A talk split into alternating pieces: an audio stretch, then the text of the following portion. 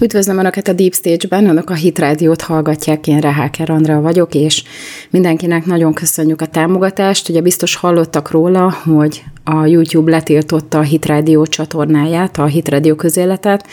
egy hétre, ami azt jelenti, hogy nem férhetnek hozzá a tartalmakhoz, és mi sem tudunk feltölteni rá semmit. Ugye egy gyűlöletbeszédnek minősített egy olyan beszélgetést, amiben semmi ilyen nem hangzott el. Ezt korábban már egyszer megtette a YouTube, és akkor pontosan az én videómat törölte le, amit ugyancsak gyűlöletbeszédnek minősített, és ezért nagyon fontosnak tartjuk, hogy önöknek a figyelmét felhívjuk rá, hogy tudnak minket követni továbbra is a hitradio.hu-n, ott minden tartalom elérhető lesz továbbra is, és nyilvánvaló, hogy keressük az alternatív megoldásokat, hogy hogyan lehet hosszú távon ezt kiküszöbölni, ugyanis nem lehet most már semmiféle öncenzúrával megakadályozni,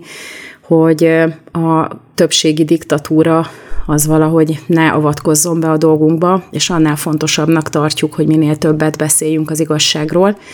Ugye az én mai műsoromban is három olyan témát választottam, ami nagyon fontos szerintem.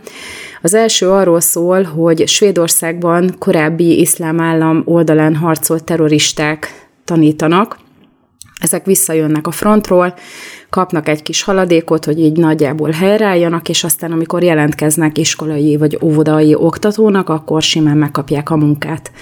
Szóval ez, ennek a hátulütőjéről beszélek egy kicsit többet, aztán arról, hogy mit tesz a mobiltelefon felnőttel és gyerekkel egyaránt. Ez is egy nagyon fontos kérdés,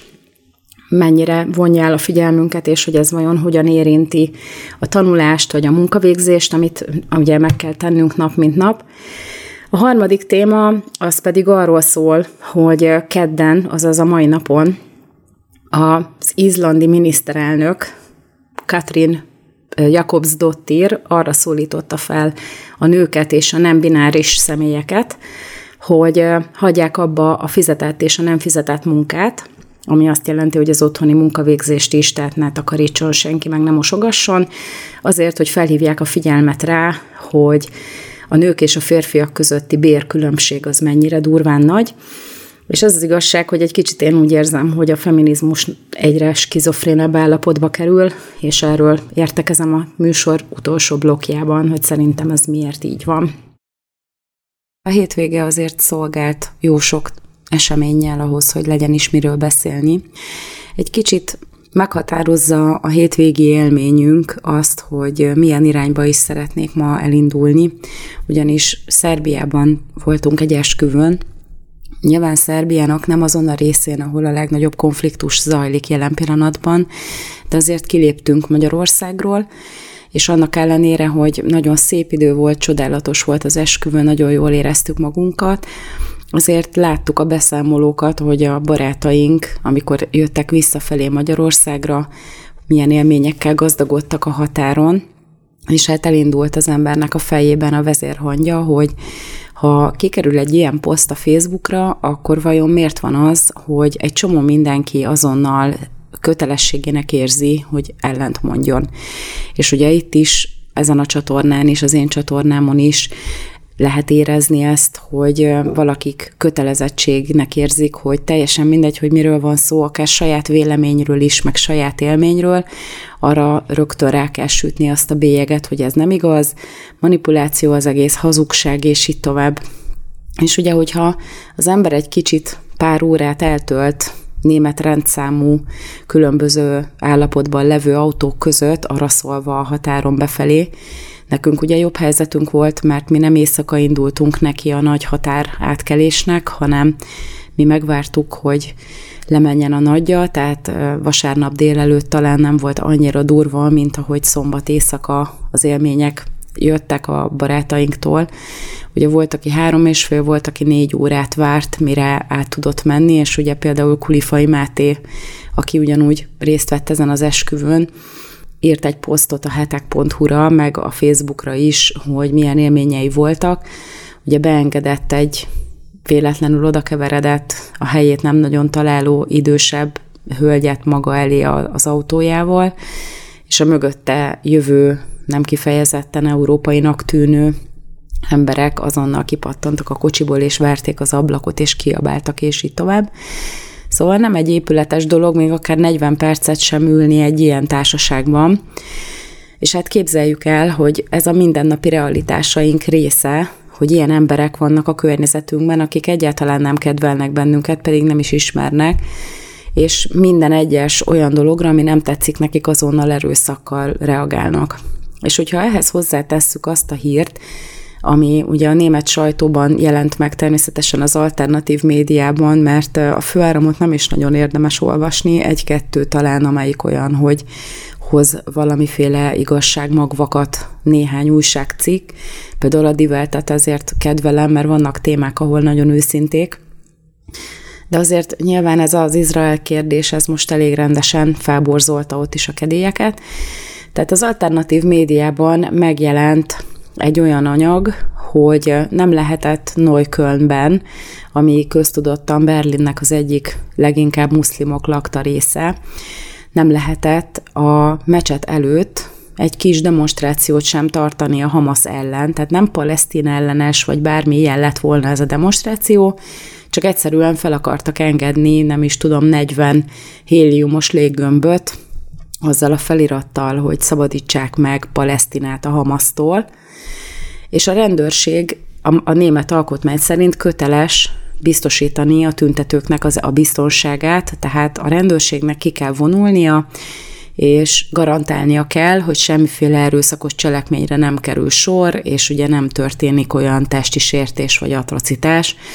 ami bárkinek akár az életébe kerül, vagy mondjuk súlyos sérüléseket szenvednek.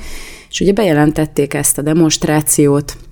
ehhez képest a rendőrség abban a pillanatban elutasította az egészet, mondván, hogy képtelenek biztosítani a biztonságukat ezeknek az embereknek, tehát eleve nem is engedik meg, hogy kifejezzék a szólásszabadságukat, meg a gyülekezési szabadságukat, mert hogy biztos, hogy probléma lesz. És akkor ez a cikk lényegében azt fejtegeti, hogy amikor egy pár évvel ezelőtt, mikor elindult a tömeges bevándorlás, akkor felpróbálta hívni a figyelmét a politikusoknak erre, hogy valószínűleg ez lesz a vége, azokra azonnal rásütötték, hogy iszlamofób, meg gyűlölködő, meg kirekesztő, meg idegengyűlölő, meg minden. És most eljött az a hely, meg az az idő, hogy a németek a saját országukban nem tudják megélni a saját alkotmányukat, a jogokat, mert hogy olyan tömeg létezik ott körülöttük, meg közöttük, akik ellenségesek ezzel szemben, és a saját törvényeik szerint akarnak élni, és ezt mindenek felett keresztül is viszik, és mivel sokkal másabb a kultúrájuk, mint az európai, ugye egy európai, hát most mondjam azt, hogy puhány az egész. Tehát egy ilyen teljesen szoftos, beszélgessünk, hogyha tudok neked bármibe segíteni, akkor szólj, és akkor majd megegyezünk, majd lesz kompromisszum valahogy, tehát ezt a képet közvetíti magáról az európai politika, lényegében az iszlám felé, és ugye az, hogy a rendőrség nem mer kiállni egy 20 fős demonstráció köré, tehát nem száz főkről beszélünk, meg több százról, hogy tényleg valóban a tömeget nagyon nehéz biztosítani, hogyha két kifejezetten dühös tömeg összecsap valahol, az azért bőven magában rejti a súlyos testi sértésnek a lehetőségét,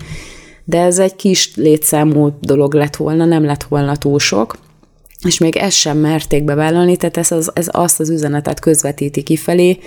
hogy teljesen impotensek, abszolút nincs is kedvük konfrontálni, magyarul a másik oldal azt csinál, amit akar. És hát ugye tudjuk, hogy az iszlám az nem moderálja saját magát úgy, mint ahogy az európai kultúrában általában az emberek szokták, hogy ezért tekintettel vagyunk a többiekre, tehát azért nálunk az devianciának számít, hogyha valaki felborít egy másik embert a boltba, mert annyira tülekedik, meg az, hogy a saját akaratát érvényesítse, akár a tetlegességig is hajlandó elmenni, tehát ezeket mi nem tartjuk normális dolgoknak. Na most a másik oldalon ez az általános, és velünk szemben meg ráadásul erény, hogyha ezt csinálják, tehát minket nem kell meg se kímélni, mert eleve, eleve alacsonyabb rendűek vagyunk. Ugye az én egyik videóm alá is valaki elmagyarázta nekem, hogy kiegyenlíti magát a, a természet, tehát az, hogy egy muszlimnak négy felesége van, az hosszú távon nem kivitelezhető, mert hogy a férfiak és a nők száma nagyjából ki van egyenlítve, csak azt felejtette el a kedves kommentelő figyelembe venni, hogy én nem általánosságban az iszlámvilágról beszéltem, hanem Németországról. És Németországban nem fogja magát kiegyenlíteni valószínűleg a nemek aránya az iszlámon belül, mert hogy nem ez az, nem ez az agenda, hanem az, hogy minél több legyen a militáns életkorú, vagy hát, hogy mondjam, háborús életkorú fiatal férfi, és ezek nem csak muzulmán nőket vesznek feleségül, mert ugye a német nők ki vannak éhezve a férfias férfiakra, ugye pont emiatt az igencsak impotens nyugati kultúra miatt. Tehát egy transzexuális férfi, vagy metroszexuális férfi, aki borotválja a mákasát, meg szedi a szemöldökét, ahhoz képest egy, egy kemény férfias, hosszú szempillájú arab férfi az egy kifejezetten nagy kontrasztot képvisel, és sajnos, ha az ember nem ismeri a kultúrát, és nem is akarják, hogy megismerje, akkor ez a vége. És akkor a harmadik, negyedik feleségnek akár egy szőke német is bekerül, meg ugye láttunk ilyen dokumentumfilmet a nyáron a férjemmel, hogy én és az iszlám, vagy én és a, a, a muzulmánom, vagy szeretem a muzulmánomat, valami ilyesmi, mi volt a, a címe, és lényegében arról szólt, hogy egy ilyen 60 éves holland nő, az áttért az iszlámra, és akkor hozzáment a saria szerint egy ilyen fiatal muzulmán sráchoz, aki nyilván nem elégedett meg ő vele, és akkor elkezdték keresni a második feleséget neki. De mi nyilván mindent a hölgy finanszírozott Hollandiában, szóval ez az elmeállapot is előfordul sajnos nagyon gyakran. És hát ugye az, hogy ők a saját kultúrájukat erőltetik ránk, az lépten nyomon látszik, ugye leszedetik mindenhonnan a kereszteket, mert az őket sérti, akkor ugye a minaretépítés Svájcban erről mindenki hallott már, mert ez egy folyamatosan zajló vita. És hát most az is a német médiában jelent meg, hogy kiderült, hogy Svédországban legalább 20, de inkább 20-nál több olyan pedagógus tevékenykedik, vagy mondjuk így, hogy tanár vagy óvópedagógus, akik iszlám állam harcosok voltak. És akkor az ember így végig gondolja, hogy hogy kerülnek ezek oda egyáltalán, de mivel ez a kultúra egyébként pontosan így marad életben, meg ez az egész ideológia itt tartja életben magát, hogy már a kisgyerekkortól kezdve beleültetik a gyerekeknek az elméjébe, meg a világnézetébe, és egyszerűen nem ismernek mást, Ugye látják, hogy az oktatás, meg a gyerekekkel való foglalkozás, az magában rejti annak a lehetőségét, hogy megváltoztassunk egy generáció alatt egy teljes társadalmat. Ugye a transzneműséggel is ez a probléma, meg a Disneyvel, hogy a gyerekekkel elkezdik az agymosást, és aztán mire ezek felnőnek, addigra már nem lesz fehér meg fekete, hanem minden szürke lesz és minden egy ilyen nagy massza lesz, és mindenki a saját igazsága alapján fogja majd elemezgetni, hogy szerinte ez igaz vagy nem igaz. Nem lesznek nagyon erős erkölcsi korlátok, mert relativizálják az egészet. Na most az iszlám pont fordítva csinálja ezt, olyan értelemben, hogy nem relativizál, hanem nagyon konkrétan megtanítja a gyerekeknek, hogy ki az, aki gyűlölni kell, ki az, akit el kell törölni a földszínéről, kinek van igaza, és ki az erősebb. És ugye az, hogy Svédországban az a Szíriából visszatérő iszlám állam harcosok, miután ugye azonosítja őket a titkosszolgálat, eltelik 3-4-5 hónap, ezek jelentkeznek egy ilyen oktatói pozícióra, és megkapják. Ez a szörnyű. És akkor annyi a reakció, hogy hát igen, kellene egymással kommunikálni a hatóságoknak. De most ez komoly. Tehát eleve be se kéne engedni olyan embereket az országba, mert eleve biztonsági kockázatot jelent egy terrorista, aki es egyébként egy terrorszervezetnek az oldalán harcol egy háborús konfliktusban egy idegen országban. Tehát, hogy ezt beengedjük egyébként, és hagyjuk létezni, és aztán három hónap múlva meg a gyermekek oktatásában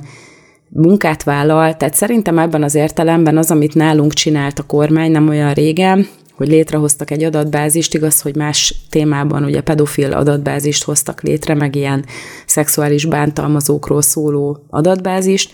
de azért, ha már ez egy állandó kockázat, meg tisztában vannak vele, hogy visszajön a harctérről egy csomó radikális terrorista, akik mondjuk lehet, hogy német állampolgárok, de attól még az ideológia ott van a fejükbe, hogy ezekről is kéne egy adatbázist csinálni, hogy valaki bele tudjon nézni, mondjuk egy iskolai gazgató, hogy igaz, hogy kevés a tanár, de azért nézzük meg, mert a gyerekek közelében nem lehet akárkit odaengedni, Na most ez nem létezik.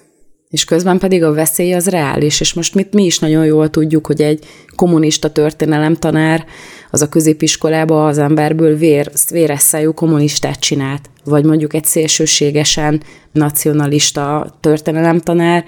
az meg kvázi ilyen mininácikat képzett a gyerekekből a saját ideológiája szerint. Most direkt sarkítom ki, mielőtt valaki ezen is totál felháborodik.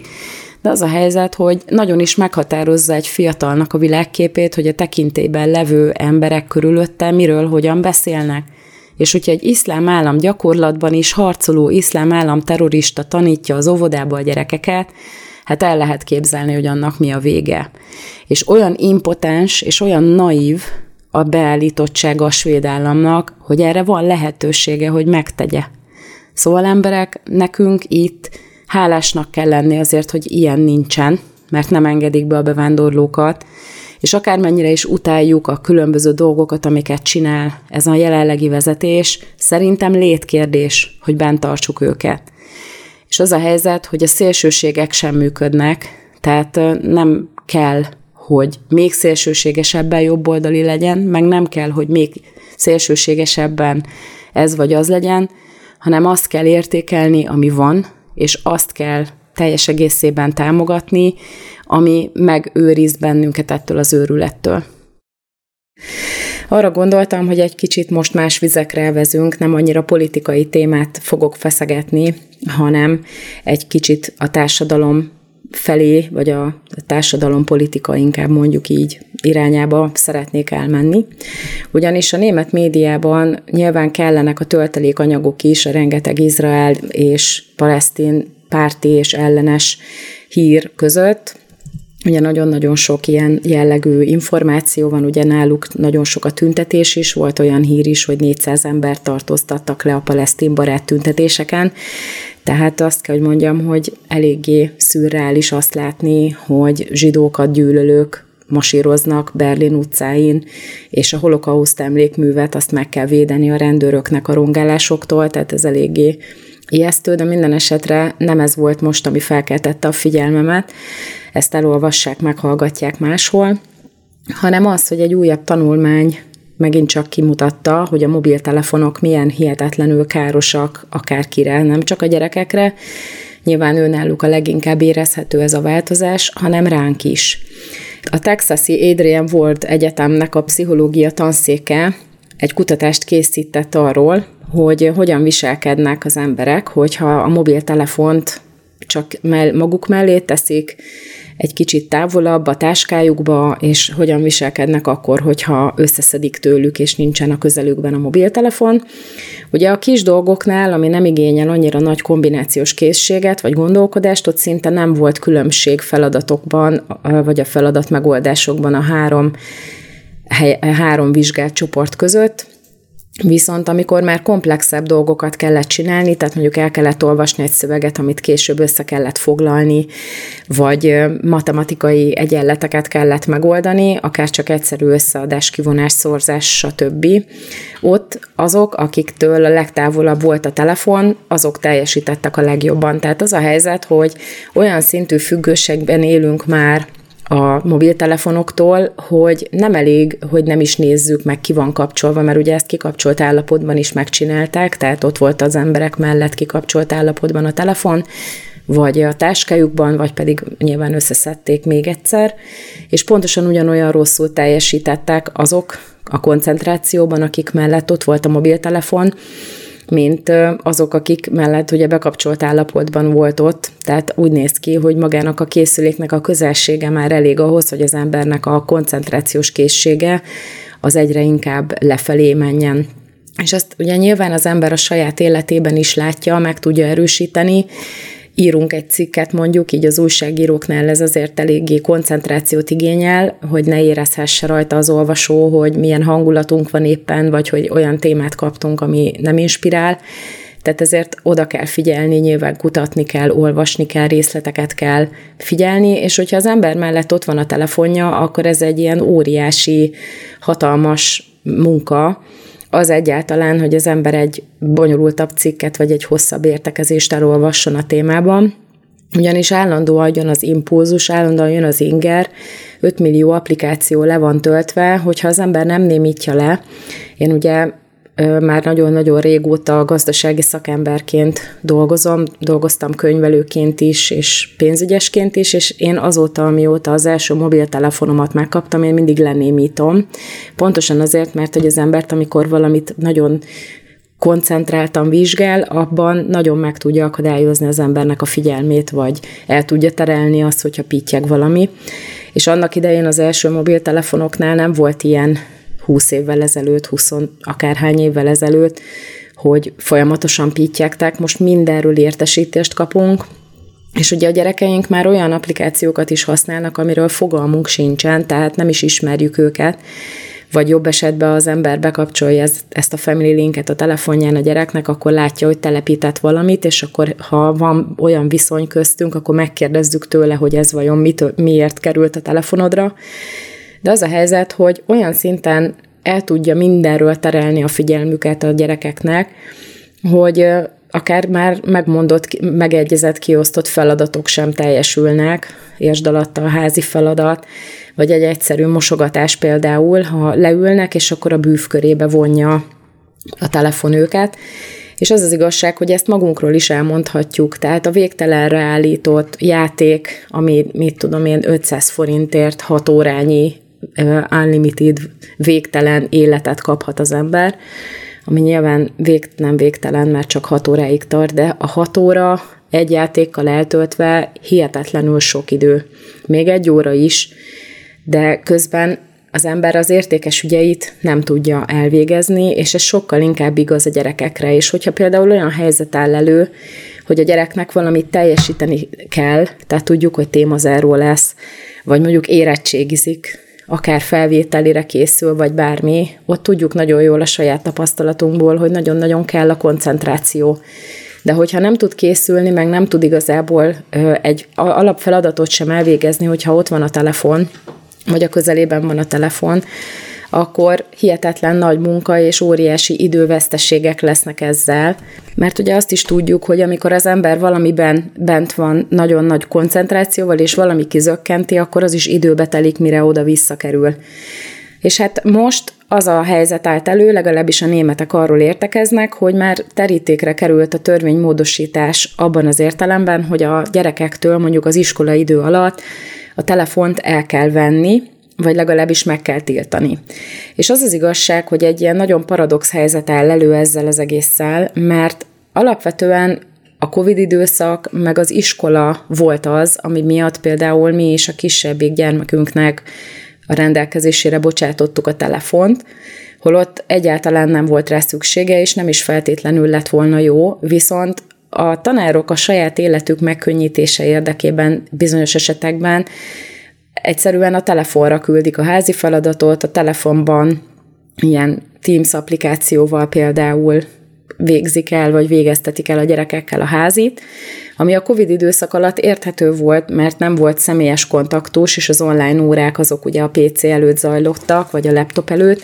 de ettől függetlenül most már meg lehetne csinálni, hogy mondjuk egy papírlapon kapja a gyerek a feladatot, de ez már most nem így van, hanem mindent a telefonra kell átküldeni, meg mind, szinte mindent a telefonon végeznek el, ami azt jelenti, hogy még amikor a munkáját végzi, akkor is ott van a kezében a telefon. Megpróbáltuk elérni, hogy ugye a kisebbik gyerekünknél a tanárok ne küldjenek még mobiltelefonra semmit, és egyelőre sikeresek vagyunk ebben, de az a helyzet, hogy küzdenünk kell ellene, holott ő nekik kellene a legjobban tudni, hogy mennyire eltereli a figyelmüket a gyerekeknek a mobiltelefon. Meg az egész helyzet, hogy vigye be az iskolába, mert lehet, hogy kell valami feladathoz, de közben elveszik reggel a gyerektől, bezárják egy szekrénybe, meg van, aki be se zárja, mert ugye megkövetelik, hogy vigye be a gyerek, de azt már nem akarják, hogy felelősséget kelljen vállalni mondjuk 30 különböző mobiltelefonért, és ugye természetes, hogy nem mindenki a leggagyibbat veszi meg a gyereknek, ami éppen működnek ezek az alapapplikációk, hanem van olyan, aki, aki a legújabb iPhone-t is megveszi egy ötödikes gyereknek, és az a helyzet, hogy nem vállalják a felelősséget azért, hogy akkor ezt a telefon valahogy mégiscsak messzebb tartsák a gyerektől. És így viszont, ha a gyereknél van a telefon, nem tudjuk garantálni, hogy nem éppen azzal játszik. Szóval a körülmények teljes egészében abszolút kaotikusak, és az, az azt lehet látni, hogy egyáltalán nem pozitív irányba fejlődnek ettől. Arról már régóta beszélnek, hogy a televízió, meg a villódzó képernyők, azok már önmagában a kisgyerek, hogyha ott ül, mit tudom én, csak anyuka el akar menni valahova, vagy csak aludni akar egyet, és akkor bekapcsolja a gyereknek a bogyó és babócát, az már önmagában káros a gyereknek a fejlődésére, még akkor is, ha maga a tartalom az ártalmatlan, mert olyan ingerek érik, amit például egy folyószöveggel teli képek nélküli könyvből nem érik majd később. És ugye emiatt az olyan hihetetlen unalom, unalmat vált ki belőle, hogy egyszerűen képtelenek olvasni, és ugye ebből is látjuk, ilyen tanulmány is van, hogy hihetetlenül sok a mostani iskolás korú generációban a funkcionális analfabéta,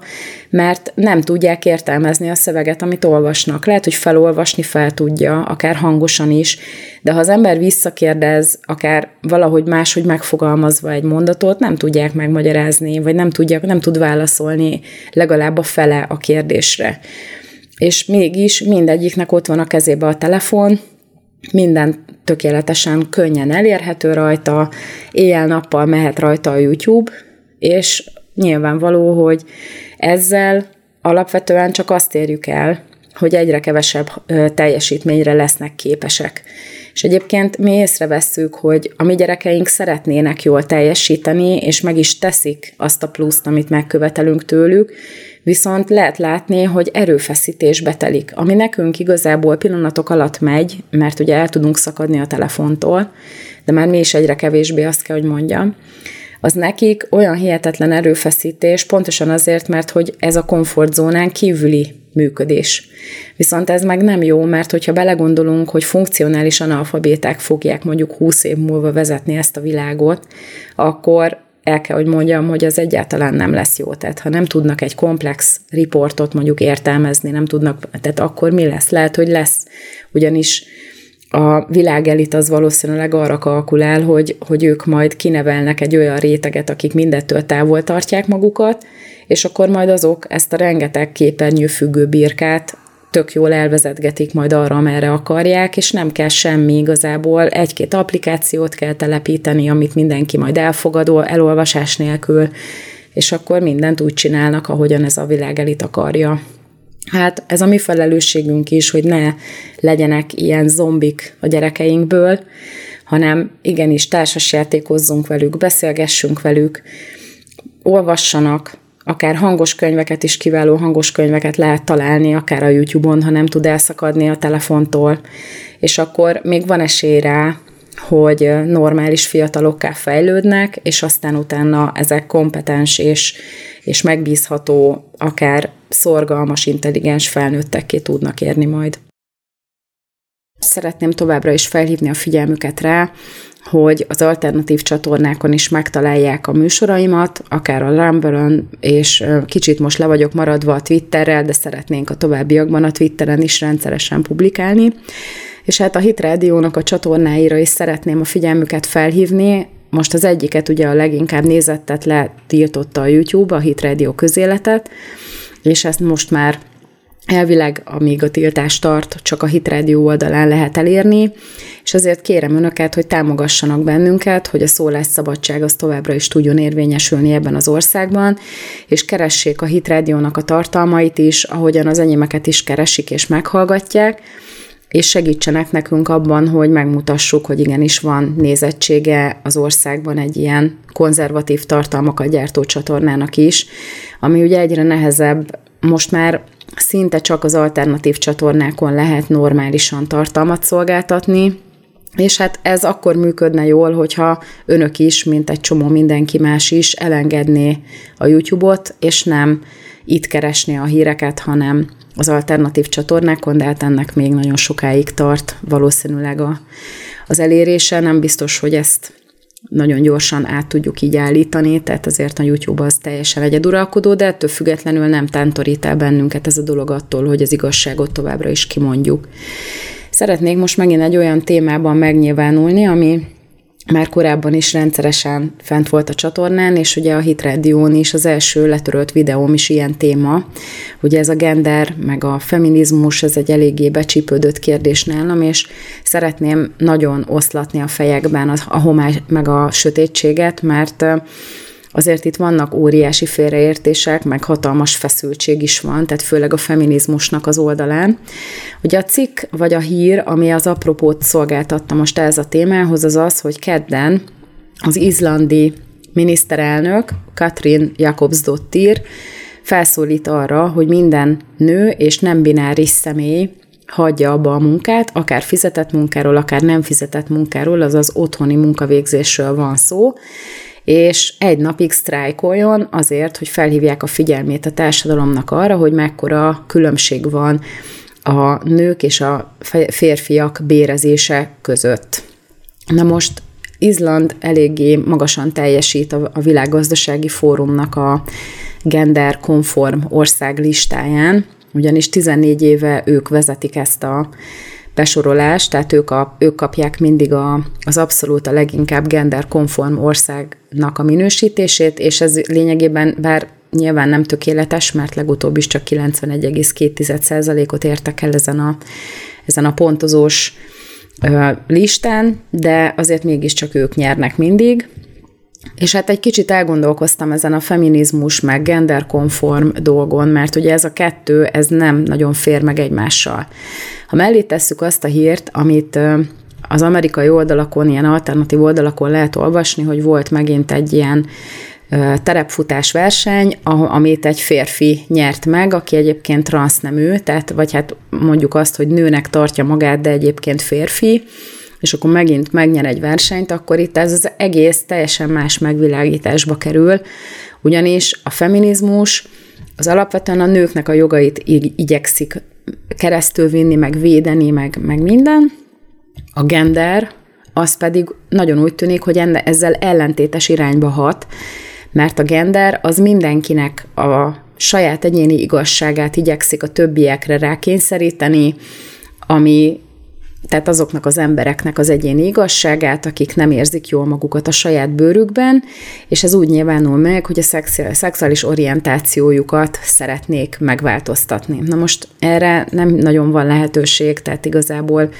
még egyetlen egy sikeres műtét sem történt, nem változtató műtét, az, hogy túlélték azok, akik ennek alávetették magukat, az egy nagyon jó dolog, de hogy funkcionáló testrészeket nem tudtak nekik kreálni, hanem hihetetlen fájdalmak árán jönnek rá ezek az emberek, hogy sajnos azzal, hogy átoperálták őket valamivé, nem váltak nőből férfivá, vagy férfiból nővé. És hát ez elég rendesen meg is, hát szóval ez elég, eléggé meg is zavarja őket sokszor, és ezért ilyen magas közöttük az öngyilkosoknak az aránya. De az a helyzet, hogyha ebbe az is beletartozik, hogy azok a férfiak, akik magukat nőnek gondolják, azok ugyanazokat megkapják, az, azokat a kedvezményeket vagy lehetőségeket, ami a nőkre vonatkozik, akkor onnantól kezdve hihetetlenül durva jogtiprás kezdődik el a nők rovására. Ezt már taglaltam korábban is, tehát akár azt, hogy férfiakat engedjenek be olyan otthonokba, ahol bántalmazott nők és gyerekek vannak, az önmagában egy hihetetlenül brutális gonoszság, és csak azért, hogy ez a férfi, aki teljesen megzavarodva saját magát nőnek gondolja, egyébként ki tudja milyen motivációból, ugye, az oda kerüljön azok közé a nők közé, akik éppen most menekültek el egy bántalmazó közegből, ahol egy férfi bántalmazta őket, az szerintem iszonyatosan erős jogtiprás, és itt is kellene egy, egy súlyozás, mondjuk, hogy kinek erősebb a joga. De nagyon úgy tűnik, hogy ezeknek a nőknek nincsen joguk a magánélethez, hanem a genderistáknak van joguk a saját igazságukhoz. Akkor ugye itt is a nőket próbálják felhúzni, mert ez egy nagyon régóta meglévő vita, hogy vajon a nők valóban kevesebbet keresnek-e, mint a férfiak, és szerintem, hogyha jobban megkapargatnánk a felszínt, akkor lehetne látni, hogy ez nem fehér meg fekete téma, hanem vannak olyan körök, ahol a nők jobban keresnek, és vannak olyan körök, ahol a férfiak keresnek jobban. És az, hogy több olyan kör van, ahol a férfiak jobban keresnek, az abban keresendő, hogy nagyon-nagyon hosszú ideig a nők nem dolgoztak, hanem minden munkát a férfiak végeztek, vagy nagyon ritkán voltak olyan funkciók, amiket nők láttak el, de alapvetően a nőnek nem az volt a feladata, hogy dolgozzon. És akkor most ezt az egészet ugye felrúgtuk a feminizmussal, ami abban az időben, amikor elkezdte a tevékenységét, ugyancsak marginális volt, és nem is volt igazából támogatva, tehát a nők legnagyobb része nem volt partner, csak ugye egy idő után nyilvánvaló, hogy politikai témában mögé álltak különböző lobbycsoportok ennek az egésznek, és aztán lettek engedmények, amik végül is lehetőségeket teremtettek a nőknek, és az önmagában nőjogi szempontból jó dolog, hogy lehetőségei vannak a nőknek, de nagyon sokan így is nem választanak olyan hivatást, amit leginkább férfiak dominálnak. Tehát azért ott helyet is kell állni, és hát meg kell, hogy lássuk, hogy van különbség férfi és nő között, akár képességekben, akár a kombinációs készségben, tehát mentálisan is előfordul, hogy az egyik vagy a másik rovására kellene, vagy tehát szóval nem, nem lehet megmondani, hogy egy adott közegben, hogyha minden férfiak dominálnak, akkor ott egy nő sikeres tud-e lenni, és csak azért, hogy ott legyen mindenképpen egy nő, azért szerintem nagyon nagy hiba törvényeket módosítani. És erről is beszéltem már többször itt, hogy nem jó, hogyha azt felülről valamilyen kényszer módján, vagy kényszer útján próbáljuk elérni. Tehát azok a nők, akik egyébként a saját erejükből bejutnak egy olyan pozícióba, amit nehéz megszerezni, azokat sérti, hogyha női kvótákat határoznak meg, csak azért, hogy ott is legyenek nők, és akkor végül is sose lehet tudni utána, hogy ő valóban a saját erejéből került-e oda, vagy csak oda rakták, mert kell egy nő az igazgató tanácsba, vagy nem egy, hanem három. Tehát ez egy nagyon durván vitatott és igen kontraproduktív téma is, Viszont a feminizmus az szerintem most egy ilyen helykeresésben van, egy ilyen identitáskeresésben. Mert ugye például, ha mondom, itt összehasonlítjuk ezt, hogy minden nő és nem bináris személy. De most a nem bináris személyek azok lényegében azokat a férfiakat takarják, akik magukat nőnek tekintik. Tehát akkor azok a férfiak is egyébként teljesen jog, jogtiprást, sérelmet szenvednek el a munkaerőpiacon, akik magukat nőnek tekintik. Hát ez a legnagyobb hülyeség a világon, ilyen nincsen. Tehát ha egy férfi férfinak látszik, és most éppen azt követeli meg az előnye, vagy azt követeli meg az érdeke, hogy nem mondja el, hogy ő ma éppen nőnek tekinti saját magát, az például férfiként van a munkaerőpiacon kezelve. És akkor vajon ezeket a férfiakat kevesebb fizetésért veszik fel azért, mert ők magukat nőnek tekintik? Hát ez egy nagyon-nagyon érdekes kérdés, hogy valóban így van-e, és szerintem nem így van. Pontosan azért, mert ebben a posztmodern világban mindenki a saját igazságát próbálja érvényesíteni, azért, mert az embereknek az önzősége, az, hogy nincsenek tekintettel senki másra, csak saját magukra, az egy ilyen népbetegségé kezdett válni. És ez azt jelenti, hogy mindenkinek a saját igazsága az lényegében az ő maga érdekeit, az ő jólétét és az ő jó érzéseit szolgálja. Tehát ha ő úgy érzi, akkor azt szeretné, hogy azt csináljon, amit akar. Magyarul, hogyha neki az az érdeke, hogy férfiként jelentkezzen egy állásinterjúra, mert meg vagyunk győződve róla, hogy a férfiak több pénzt keresnek egy ilyen pozícióban, akkor ő nem fogja előadni, hogy ő egyébként magát nőnek tekinti. Tehát ez egy hihetetlenül paradox téma, és ráadásul elveszi az egésznek a komolyságát. Tehát, hogyha létezne ilyen fizetési különbözet, tehát, hogy mondjuk átlagban nézve a nők kevesebbet keresnek, mint a férfiak, ha csak azt néznénk egy ilyen fűnyíróval, hogy ki mennyit keres, és azt átlagoljuk, azt nem nézzük, hogy ki mit csinál, és ki milyen felelősséget vállal, és így tovább. Tehát ez egy hihetetlenül bonyolult kérdés, ezt újra elmondom, hogy ezt nem lehet ennyivel elintézni. Akkor vajon ezek hova, hova esnek? Ezek a férfiak közé esnek, vagy a nők közé esnek? Mert hogyha van egy ilyen menedzser, aki mondjuk ott ül egy nagyon jól fizető állásba, és úgy érzi, hogy ő akkor nő, akkor az ő fizetését azt átsoroljuk a nők közé, vagy a férfiak közé soroljuk. Tehát ez egy nagyon-nagyon-nagyon ingoványos talaj, de ugye mivel szeretnének valószínűleg 15-ére is a világgazdasági fórum előtt jól szerepelni, mint genderkonform ország, ezért ugye bele kell venni azt is, hogy a nem binárisok is hagyják abba a sztrájkba a munkát. de ez egy teljesen skizofrén dolog, így ahogy próbálom felvázolni. Ezt nem lehet. Most akkor vagy férfi, vagy nő. Hogyha nő, akkor ha többet keres, mint bárki más, mert egyébként férfiként van tekintve, akkor hogyan kell figyelembe venni? Vagy ha férfi éppen, mert a nem bináris az, az ugye azt jelenti, hogy nem tartozik egyikhez sem, ami lényegében akár a fluidokat is magába foglalhatja, akik egyik nap ez, másik nap az, vagy mondjuk mit tudom én, macskának tekinti magát, vagy vasútállomásnak, vagy ki tudja micsoda. Tehát, hogy azok akkor vajon hova tartoznak? Mert a munkaerőpiacon nagy valószínűséggel úgy szerepelnek, mint ami az igazolványukban benne van, tehát mindenkinek benne van az útlevelébe, hogy férfi vagy nő. Tehát akkor vajon hova? Vagy ezzel akarjuk javítani az átlagot, vagy, vagy mi ez? Tehát ez egy ilyen totálisan skizofrén helyzet, és sajnos kontraproduktív is. Azt mutatja, hogy valójában ez nem egy nőpárti téma, hanem ez megint csak egy ilyen genderkonform propaganda rendezvény, ami alapján most megint kapnak egy pár jó pontot ezektől a teljesen álságos nemzetközi szervezetektől, akik lényegében nem a jogokat, az embereknek a jogait őrzik, hanem egy bizonyos marginális kisebbségnek a jogait próbálják mindenki másra ráerőltetni. Szóval gratulálunk Katrin Jakobsdottirnak, akit megválasztottak Izland miniszterelnökének, és hát kívánjuk, hogy a jövőben esetleg olyan ügyeket mellé is odaállhatna, aminek van értelme. Én nagyon köszönöm, hogy meghallgattak, legyen nagyon-nagyon szép napjuk, és hát minden jót, a következő héten újra találkozunk, viszont halásra.